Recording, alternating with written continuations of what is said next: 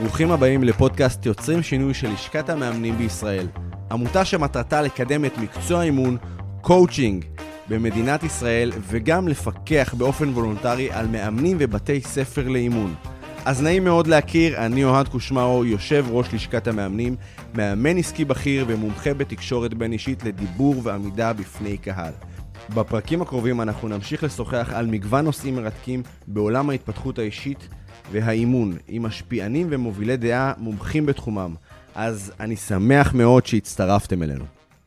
ברוכים הבאים לפרק 29 בפודקאסט יוצרים שינוי של לשכת המאמנים, והיום אנחנו נדבר על קשב וריכוז עם מאמנת לקשב וריכוז, ציפי קוברינסקי. אמרתי את זה נכון? כן, לא התבלבלת, כל הכבוד. יפה, ברוכה הבאה. ברוך הנמצא, תודה שהזמנת אותי. אז היום אנחנו הולכים לדבר על נושא נראה לי אחד החמים ב- במדינת ישראל ובעולם כולו כי כל בן אדם שני שאני פוגש הוא מגדיר את עצמו כקשב וריכוז אז בואי ניתן לזה הגדרה שם ופנים. רגע, מה זה אז אומר? רגע, אז אה, בוא נעשה רגע סדר. כן. קודם כל זה לא בין כל בן אדם שני. אנחנו יודעים שבין חמישה לעשרה אחוז מהאוכלוסייה יש להם באמת הפרעת קשב. יש אנשים שיש להם מסכות דעת, שיש להם סממנים, יש כל מיני דברים שמתחפשים להפרעת קשב, לא הכל זה הפרעת קשב, אני מדברת על מי שיש לו הפרעת קשב מאובחנת, שהאבחון שלה הוא רפואי.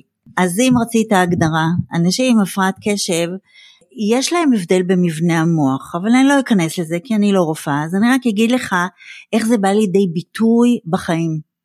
הפרעת קשב היא פגיעה בתפקודים הניהוליים של האדם. יש הרבה מאוד תפקודים שעלולים להיפגע, לא כולם, זה לא אצל כולם אותו דבר, זה משתנה מאחד לשני.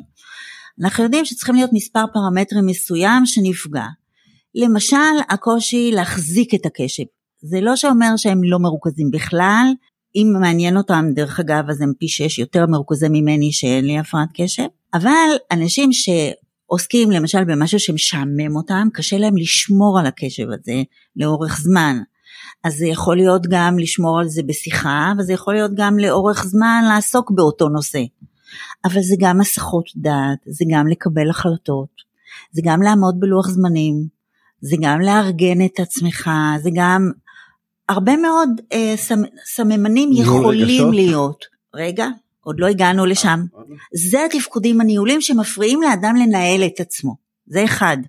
הפרעת קשב תמיד מלווה בקושי לווסת את הרגשות. עכשיו, מה שחשוב לדעת זה שרגשות שליליים מאוד מחמירים את הסממנים של הפרעת הקשב.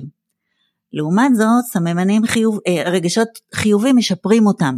אז אם כבר התחלנו, אז יש לך טיפ אחד חשוב, לדאוג לשמור על רגשות חיוביים עד כמה שניתן, גם במצב הזה. יפה. אז uh, אני אתוודה ואודה, uh, יש לי בן עם uh, קשב וריכוז, מאובחן עם כל המוקסו ו- ואני כמו שאמרת אני רואה את הקושי בהתארגנות ואני רואה את הקושי ב...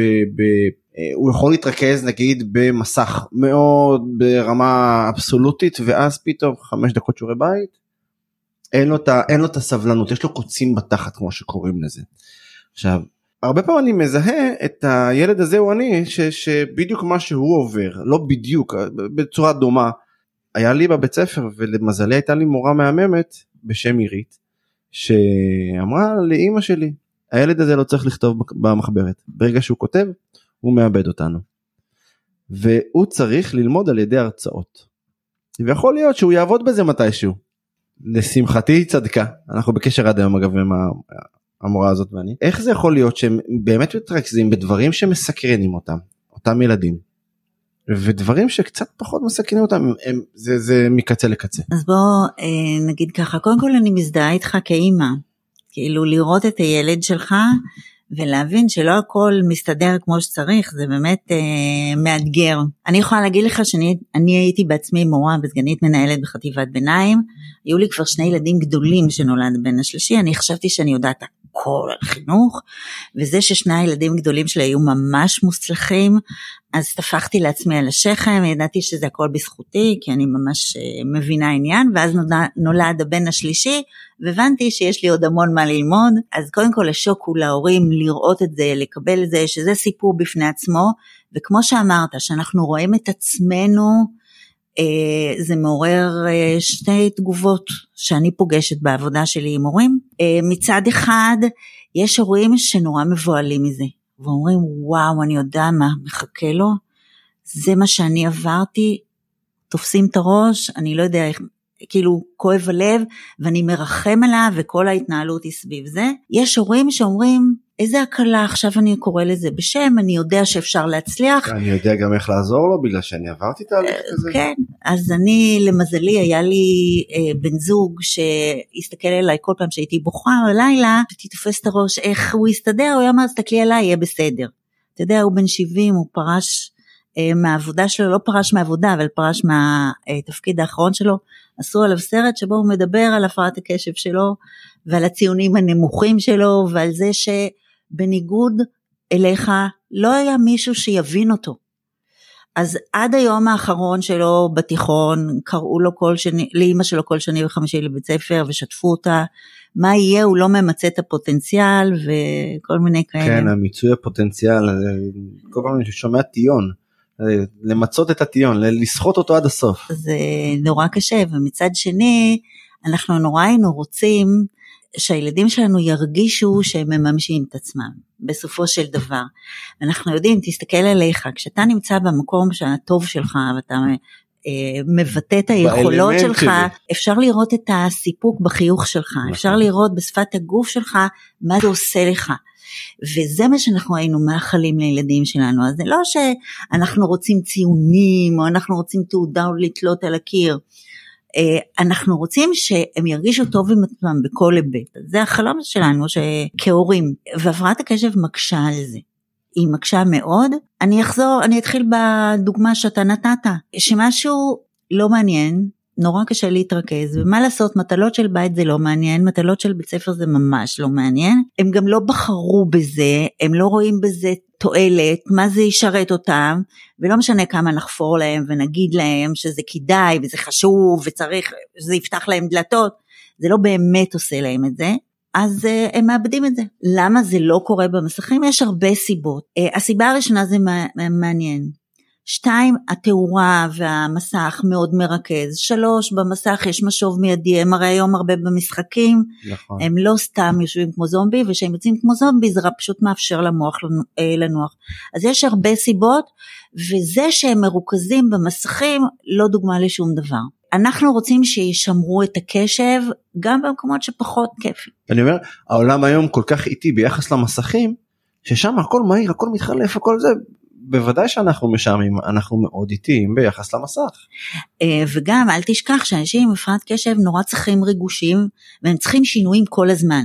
אני לא יודעת כמה עבודות אתה החלפת, בעל שלי עבר ממקום למקום, רק במקום שמישהו יפטר אותו, הוא, בשבילו זה היה מקפצה למשהו יותר... אה, אימון, זה... אגב אימון זה עבודה אולטימטיבית, הנושא הוא אימון, אבל הנושאים כל הזמן מתחלפים, סדנאות, אה, מקומות. הם, ברמה הפיזית אני נוסע בכל הארץ אני, זה כל הזמן יש אה, דברים חדשים נכנסים לשם אז יש בזה משהו אני מאמן כבר 14 אה, שנים עוד מעט אבל זה כל הזמן משתנה זה אף פעם לא אותו דבר. נכון מה שקורה בעבודה על עצמך אתה בעצם עובד על התפקודים הניהוליים שלך והתפקודים הניהוליים זה אלה הדברים שאפשר להתאמן עליהם. עכשיו אני יכולה להגיד לך, אני הייתי הרבה הרבה כנסים בארצות הברית עוד לפני הקורונה, שכבר הייתי צריכה גם לטוס רחוק, גם הייתה לי הרצאה בכנס מאמנים בינלאומי בארצות הברית. אני רוצה שתדע שבכל הכנסים הדעה של אנשי מקצוע, בכירים מאוד, אומרת שאימון זה ההתערבות הכי יעילה לאנשים עם הפרעת קשב. ממש וואו. ככה. בכל מכון שמכבד את עצמו, שעושה גם אבחונים, ויש להם טיפולים רגשיים ופסיכיאטריים, והפני, ו, וריפוי בעיסוק, ואנשים שמייעצים אה, בקריירה, יש מאמנים בכל מקום. האימון יש לו ערך מאוד גדול לאנשים עם הפרעת קשב. עכשיו סקרנת אותי אני פותח דף ועט ומתחיל אה, ללמוד מה מה עושים בתהליך אימון לקשב וריכוז זה ספיצ'לס כמו שאת שומעת. קודם כל, אימון להפרעת קשב הוא אימון, ואנחנו צריכים להבין את המתודולוגיה של האימון ומה עומד מאחוריה. זה מצד אחד. מצד שני, כשמישהו מאמן להפרעת קשב הוא חייב להבין את הפרעת הקשב, אחד כדי להתאים את השיח ואת השאלות ובעיקר את הכלים האימוניים שהוא משתמש בהם להפרעת קשב. אני אתן לך דוגמה לכלי אימוני שהוא יודעת מה? נדוש. אני אתן לך דוגמה על בעיית קשב שלי ותגידי לי איך היינו אה, עובדים עליה. למשל, אוקיי. אני למשל שאני מסדר את הבית, אני מתחיל בחדר ואז אני לוקח משהו מהחדר לסלון ואז אני ממשיך בסלון, מהסלון אני עובר למטבח ואני מוצא את עצמי מסדר ומנקה צורה מה שנקרא בו זמנית את כל הבית אבל לא חדר חדר. יש אנשים שעד שהם לא מסיימים X הם לא עוזבים אותו, לא אני. אז אני אגיד לך, אם אתה היית בא אליי לאימון, הדבר הראשון זה שהייתי מלמדת אותך לראות את היתרונות בזה שאתה יכול לעבוד על כמה חדרים ביחד. מי אמר שזה הכי נכון לעשות כל אני חדר לא יודע. ולסיים? יכול להיות אני ש... מפספס דברים בגלל זה. לא, אני... יכ... אוקיי, כן. אז רגע. קודם כל, אחד היתרונות של אנשים עם הפרעת קשב זה שהם, יש להם את ה multitasking הזה. בגלל שהם לא יכולים לסיים עד הסוף כי אין להם סבלנות, ו- ונגמר להם, ומשהו, כל דבר מסיח את דעתם, עוברים ממקום למקום. אה, הרבה פעמים פרויקטים נעשים סימולטנית, וזה טוב לאנשים בכירים בארגונים למשל, שהם יכולים לעבור מדבר לדבר. אז קודם כל, לבוא מהמקום שאתה לא כועס על עצמך, כבר הורדת את הרגשות השליליים אה, ואת הכעס.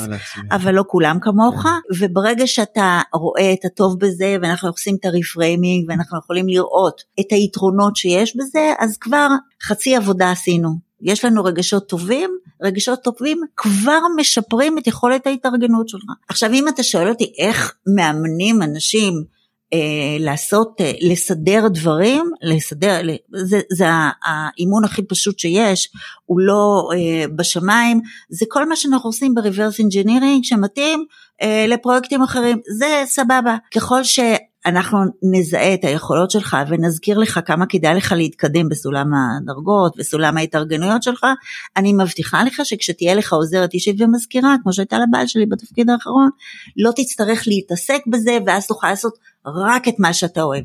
זאת השאיפה שלנו, אבל זה לא קורה בדרך, בדרך אנחנו צריכים ללמוד, אחד, להתנהל יותר טוב, ושתיים, ללמוד להיעזר. להיעזר במי שיכול. אם יש בת זוג או בן זוג אצלך בבית, שהוא מאורגן יותר ויכול לעזור לך בתכנונים ומזכיר לך קודם זה יותר חשוב, או לא, סבבה. אני לא רואה בזה רע כל זמן שאני לא יהפוך את בן הזוג שלי או שלא תהפוך את בת הזוג שלך למטפלת שלך או למזכירה האישית שלך כי זה לא בריא לזוגיות. זה דברים פשוטים שאנחנו מתארגנים, עובדים עליהם. יש uh, דברים שיותר קשה לעבוד עליהם והם הם מאוד uh, תלויים במה שכלפי חוץ נראה כאילו חוסר ביטחון. לא משנה מה אנשים עושים, הם מרגיעים להישגים, הם יכולים להגיע כמוך להיות יושב ראש לשכת המאמנים, ועדיין שיש איזה משהו חדש שהם רוצים ללכת עליו, הם אומרים לעצמם, אבל אין לי סיכוי. פעם חשבנו ש... אני רואה את זה אצל הבן שלי לפעמים, שהוא רואה דברים חדשים שלא מוכרים לו, הוא סוג של... הם מאיימים עליו. זה- הוא מוותר מראש. נכון. ואז שאנחנו מפרקים את זה לדברים קטנים קטנים קטנים קטנים מה הדבר שאתה יכול לעשות מה תלוי בך הדבר הכי קטן רק את זה אז אתה יכול לעשות כן ואז אנחנו באמת מתחילים לפרק אז- את זה. שזה באמת אה, לעבור לפרקטיקה, אבל אני רוצה רגע לעבור שלב אחורה. שלב מקדים לעניין הזה. פעם חשבנו שאנשים עם הפרעת קשב לא מאמינים בעצמם, או כל הזמן יש להם מחשבות כאלה של אין לי סיכוי, זה לא יעזור, אני לא אצליח. אני דפוק. הם פעם חשבנו כן. שזה בגלל שהם חוו הרבה ביקורת כל החיים, והם נכשלו בכל מיני פרויקטים, וזה מה שמנהל אותם. היום אנחנו יודעים שזה חלק מהפרעת הקשב, זה בלתי אין. זה מחשבות אוטומטיות, אנחנו קוראים להם אוטומטיק נגטיב thoughts. בקיצור, אנט, אז זה הנמלים. אז חלק גדול מהעבודה שלי זה על הנמלים. הנמלים האלה מגיעות, המחשבות האלה, בלי להרגיש. מהצד, אם מישהו מאמן שלא מבין בהפרעת הקשב, הוא נבהל. ואז הוא אומר, אני אעבוד איתו על ביטחון עצמי, אני, כלים, שזה מהמם. נהדר, זה אחלה. אבל הרבה פעמים, כל מה שצריך זה פשוט לא להיבהל מהמחשבות האלה, ולהגיד, אוקיי, אלה המחשבות, יש דרכים ללמוד לנהל אותן, לעבור מהעונה הרגשית של המוח לעונה הקוגניטיבית החושבת, שלבים, ואפשר לעשות את זה, ואז פשוט לחזור בחזרה לפעולה. כי בסוף בסוף בסוף מה שיקבע זה מה בסוף כן תצליח לעשות. וכמה פעמים תצליח, ואז זה יקבע את זה יותר טוב במוח. אז אם אני מבין, שחזור הצלחות זה דבר שיכול אה, לחזק או לשנות את הדבר הזה שנקרא נמלים, המחשבות הטורדניות האלה? המחשבות האלה תמיד יגיעו, אוקיי. אה, אבל אנחנו ננהל אותם יותר טוב כשאנחנו נזכור את ההצלחות. אבל אני רוצה להגיד עוד מילה על ההצלחות. הרבה פעמים כשאנשים מגיעים אלינו לאימון אנחנו עובדים איתם על הפרדיגמות שלהם ועל דפוסי הפעולה שלהם ואנחנו שואלים למה ומאיפה זה בא וכל מיני כאלה. באימון להפרעת קשב אני מאוד מקפידה לנתח אך ורק את ההצלחות שלהם. את הכישלונות המנתחים נהדר בלעדיי, הם מפיקים לקחים. הם יודעים גם תוך כדי שהם אה, הם כל לילה לפני נכון. השינה הם חושבים יכולתי לעשות ככה ויכולתי לעשות אחרת, בשביל זה לא צריכים אותי. הם צריכים אותי בשביל לנתח את ההצלחות. משתי סיבות, אחד, אנחנו עושים את זה מתחושה של גאווה, ואז האנרגיה עולה, מחשבות טובות, התפקוד שלהם יותר טוב, הם יזכרו יותר, הם יטמיעו יותר, יהיו מאורגנים יותר, הכל יהיה יותר טוב. Mm-hmm. זה סיבה ראשונה. וסיבה שנייה, שבשבילי לא מספיק, אני לא מסתפקת בלא להיכשל. אני רוצה שהם יצליחו. אז בואו נלמד מהעבר כל פעם מה עוזר לכם להצליח. וכן, ככל שתצברו אה, יותר הצלחות, גם יתחזק אצלכם, תתחזק האמונה שאתם יכולים, וגם תלמדו ותרכשו עוד כלים איך לעשות את זה לאבא. יפה. אני כבר לוקח את זה לשיחה היומיומית שלי, כי באמת הרבה פעמים דרך שלנו היא להתעכב ולנתח את מה שלא עבד ולפרק ולהוציא את המוץ מן התבן וזה מלא זמן ואנרגיה. עכשיו את באה ומשנה לי תפיסה שאני אומר בוא נתמקד במה שעובד ונפרק את זה ואז אנחנו גם ניצור פוקוס חיובי על החיובי. נכון.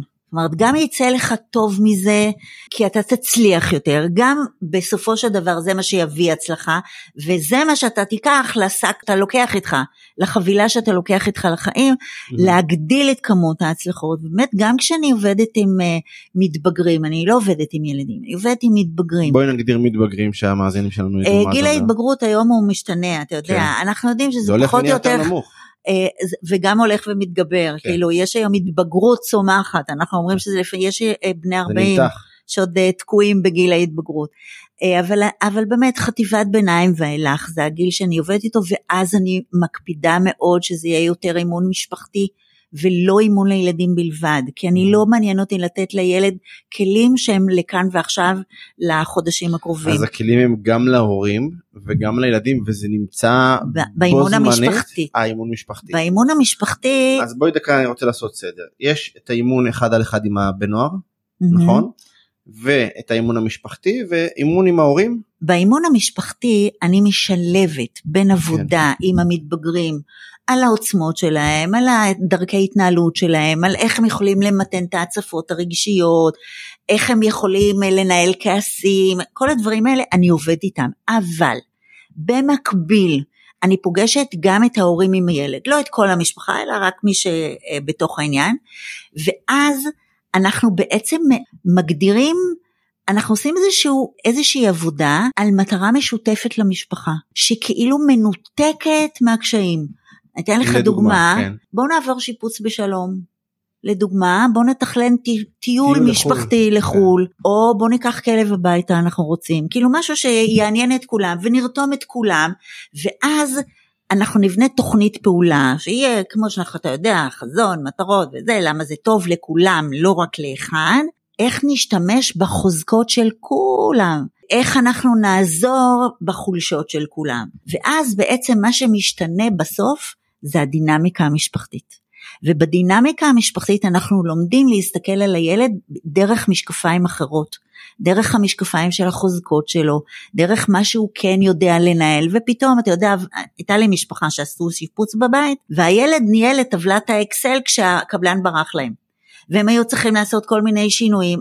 ואז כולם היו צריכים לדווח לו מי עשה מה, גם האימא, ואז פתאום ראו שהאימא שוכחת ולא זה, כי גם לה יש הפרעת קשב, ועוד כל מיני דברים שהיו בדרך, פשוט כל הדינמיקה משפח, אה, משתנה. עכשיו, אתה זוכר את המורה שלך? בוודאי.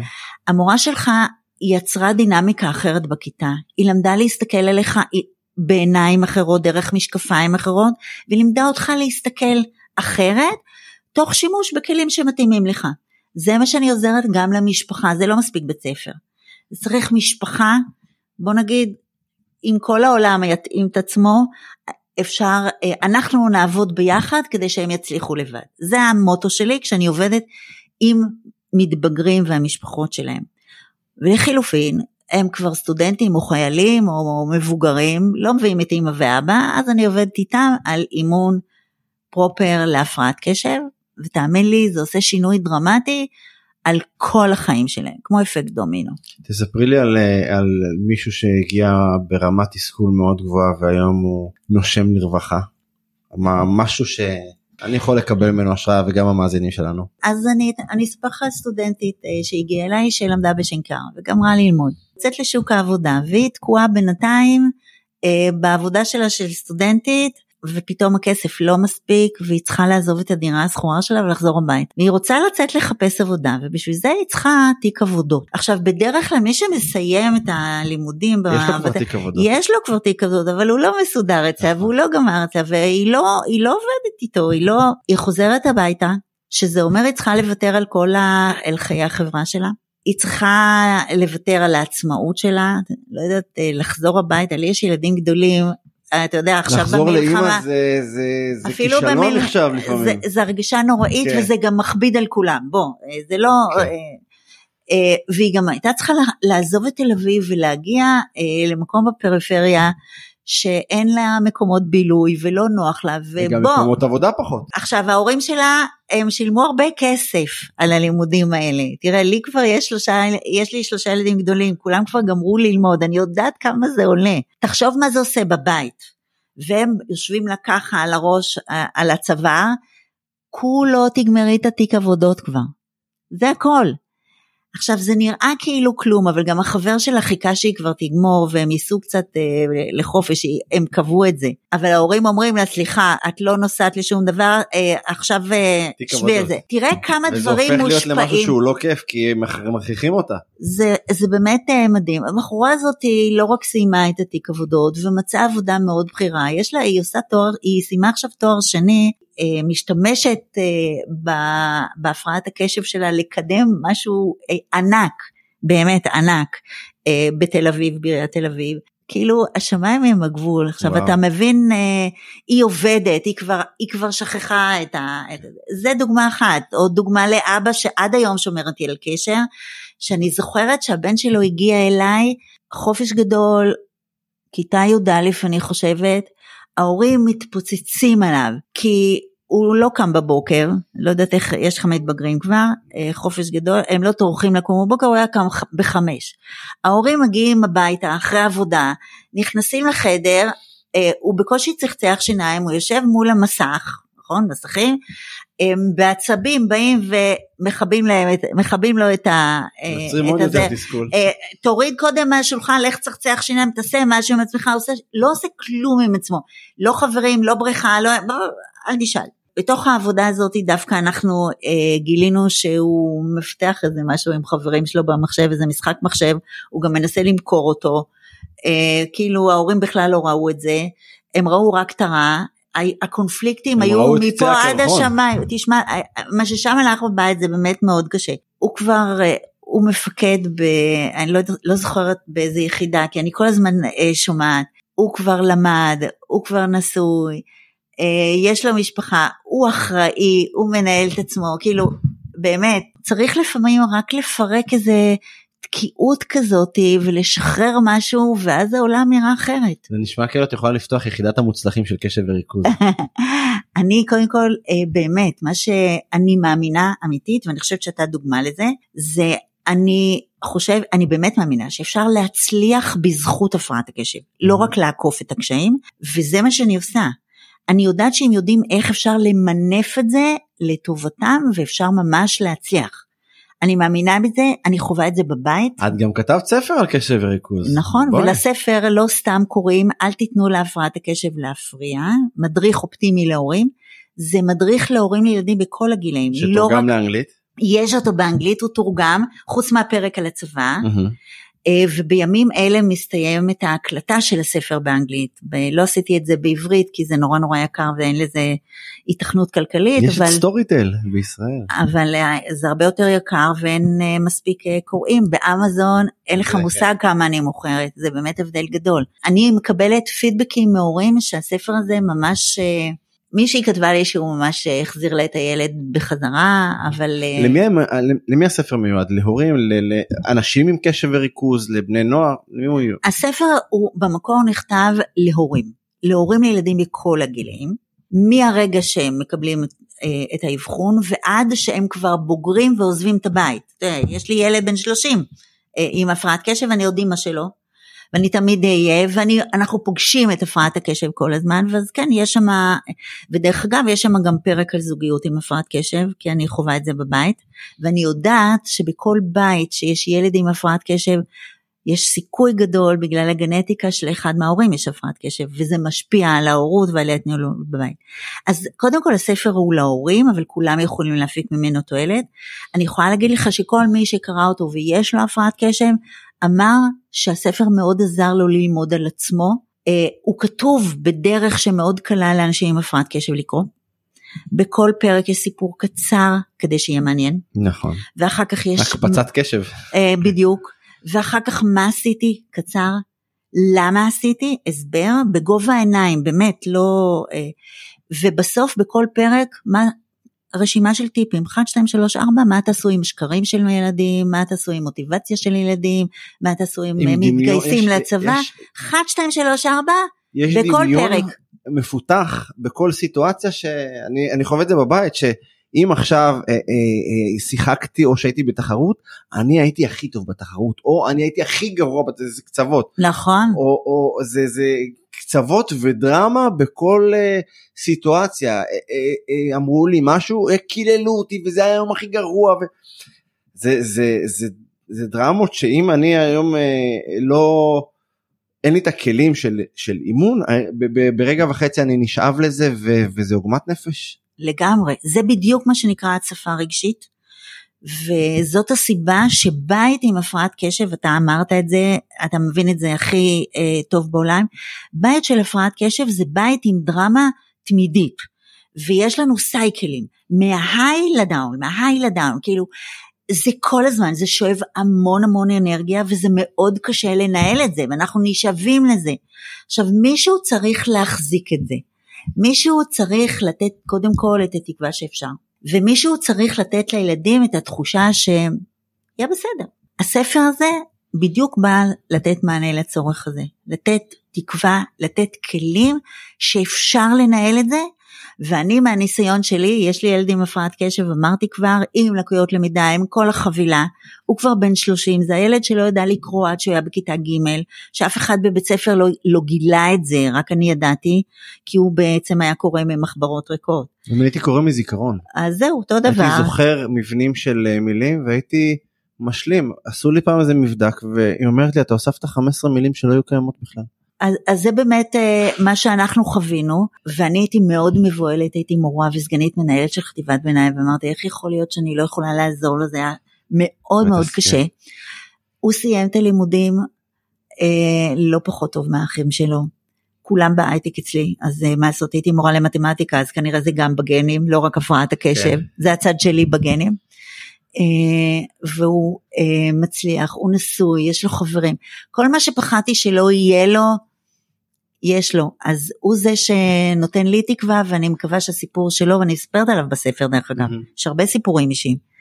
אני מספרת עליו כל מה שהוא נתן אישור, כאילו לא, לא עשיתי את זה בלי אישור שלו, אני באמת מקווה שהסיפור שלו ייתן תקווה ושאני אתן את הכלים להורים כדי שיזכרו שאפשר. אז אני בטוח שרוב המאזינים שלנו אה, קצת אה, מופתעים לשמוע שיש תהליך אימון מובנה לקשב וריכוז. רוב האנשים שמכירים קשב וריכוז מכירים את הדבר המיידי שנקרא רטלין ומכירים את הדבר המיידי שנקרא אה, טיפול של קשב וריכוז עם כל מיני ריפוי בעיסוק. ו...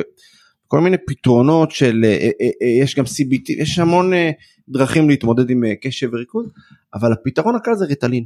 נותנים לילד ריטלין בבית ספר זהו. אז תראה. משתיקים לו את כל הרעשים. אני, אעשה, אני אגיד שני דברים. הנושא של אימון להפרעת קשב קיים כבר הרבה זמן. בתי ספר שהם מאושרים על ידי הלשכה קיימים קורסים לאימון הפרעת קשב. את מאמנת ומדריכה בגו מגבים? אני בגו מגבים באימון משפחתי, כן, אבל, אבל יש שם מישהי אחרת שמעבירה קורס אה, מעולה בנושא של הפרעת קשב לילדים, הקורס של לירון בן דוד, אבל יש עוד אה, מקומות וחשוב שתדעו, יש מאמנים והרבה, חשוב שמאמנים שלא עברו את ההכשרה הזאת, שלפחות יקבלו הדרכה בנושא.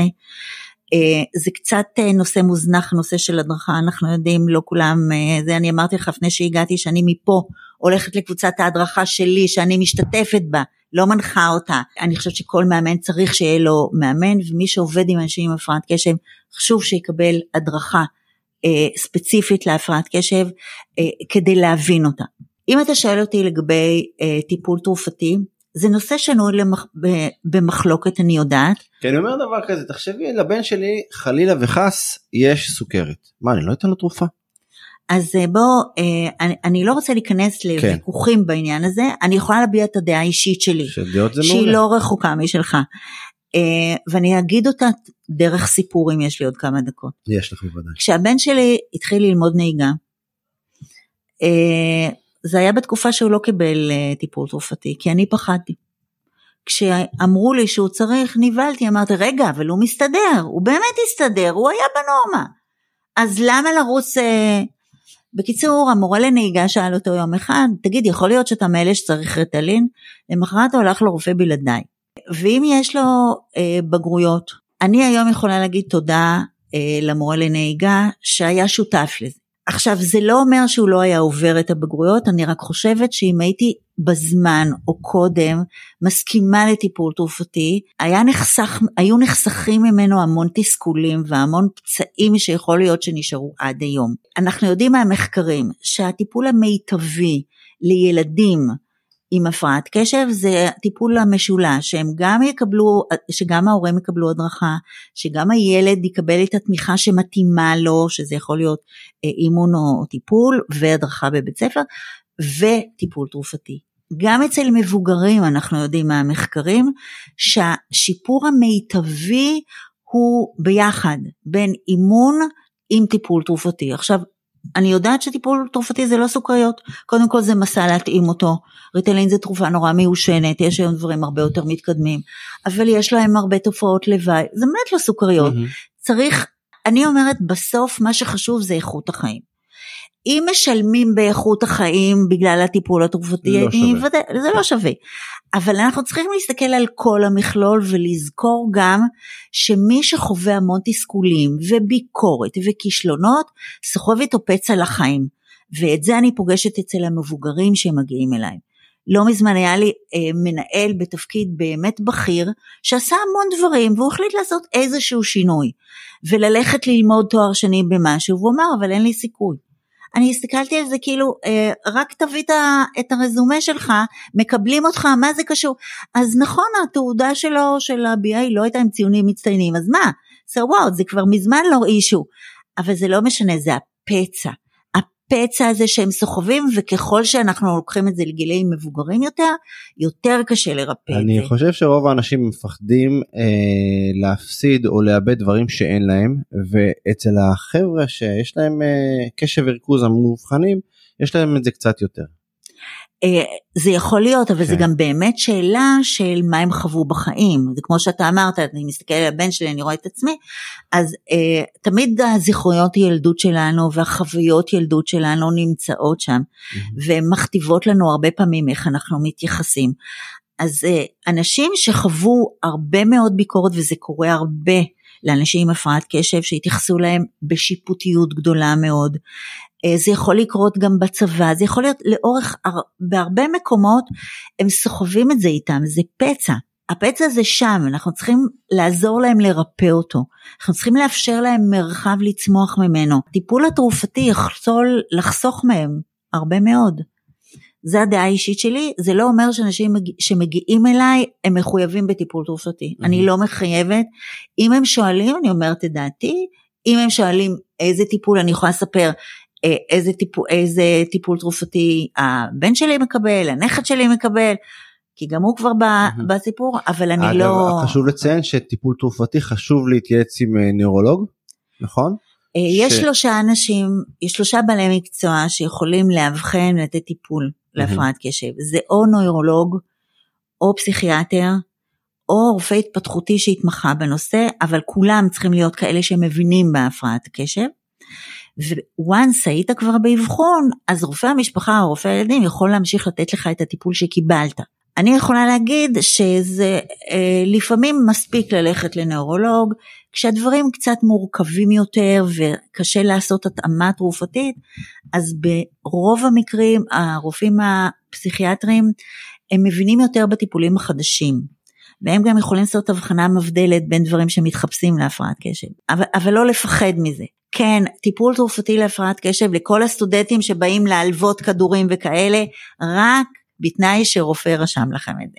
אה, אני אני אשתף אותך במשאלת לב שלי כי אנחנו עכשיו מדברים על טיפול תרופתי משאלת לב שלי שקופות החולים וחברות הביטוח יכירו בדבר הזה שנקרא אה, אימון בקשב וריכוז או בכלל באימון כטופס אה, איך קוראים לזה טופס 17?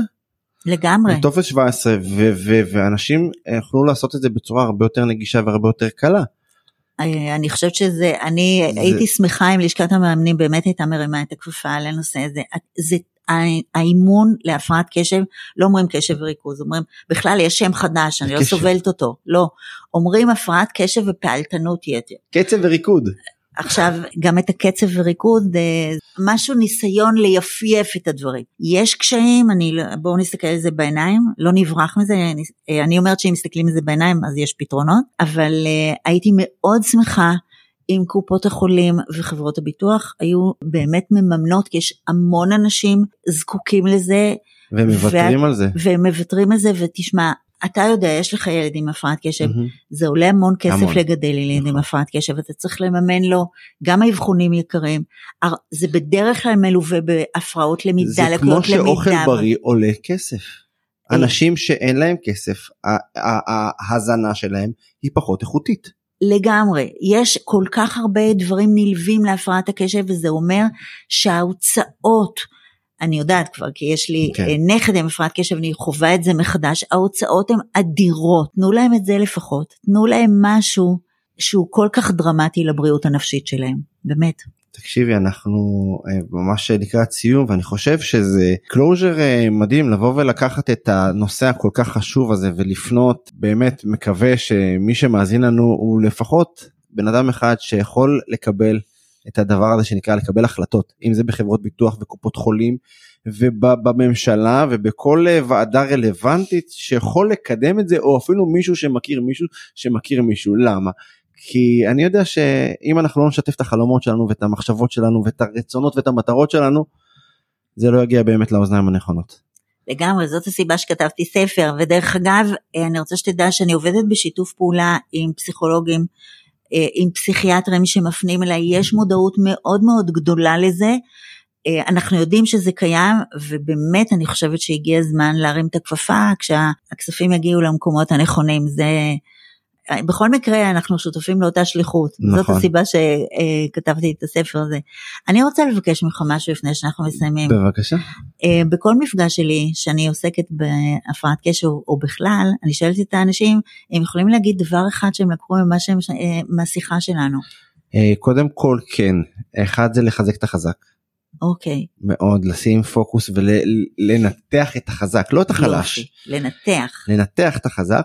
זה אחד ושתיים אה, לקחת את זה צעד קדימה לרגולציה ולהכרה כמו שאמרנו בקופות החולים ובחברות הביטוח וקשב וריכוז זה לא ברירת מחדל אפשר אה, זה קיים אפשר אפשר זה לנצח קיים. עם זה אפשר אפשר לנהל את זה יחידת היחידה המובחרת של קשב וריכוז. אז ריקי תודה רבה לך ש... ציפי, ציפי. ציפי, למה ריקי? אמרנו הפרעת קשב, נכון. אתה רואה? הפרעת קשב, אז אה, ציפי, תודה רבה. יהיה לנו הרבה יותר שקט פנימי ושלווה פנימית לנו ולכל המאזינים שלנו. לגמרי, אנחנו זקוקים לזה. תודה רבה שהזמנת אותי. תודה רבה שבאת. תודה רבה שהאזנתם לנו, אתם מוזמנים להאזין לנו בכל רשתות הפודקאסט, ספוטיפיי, גוגל פודקאסט ואפל פודקאסט, ונשתמע בפרק הבא.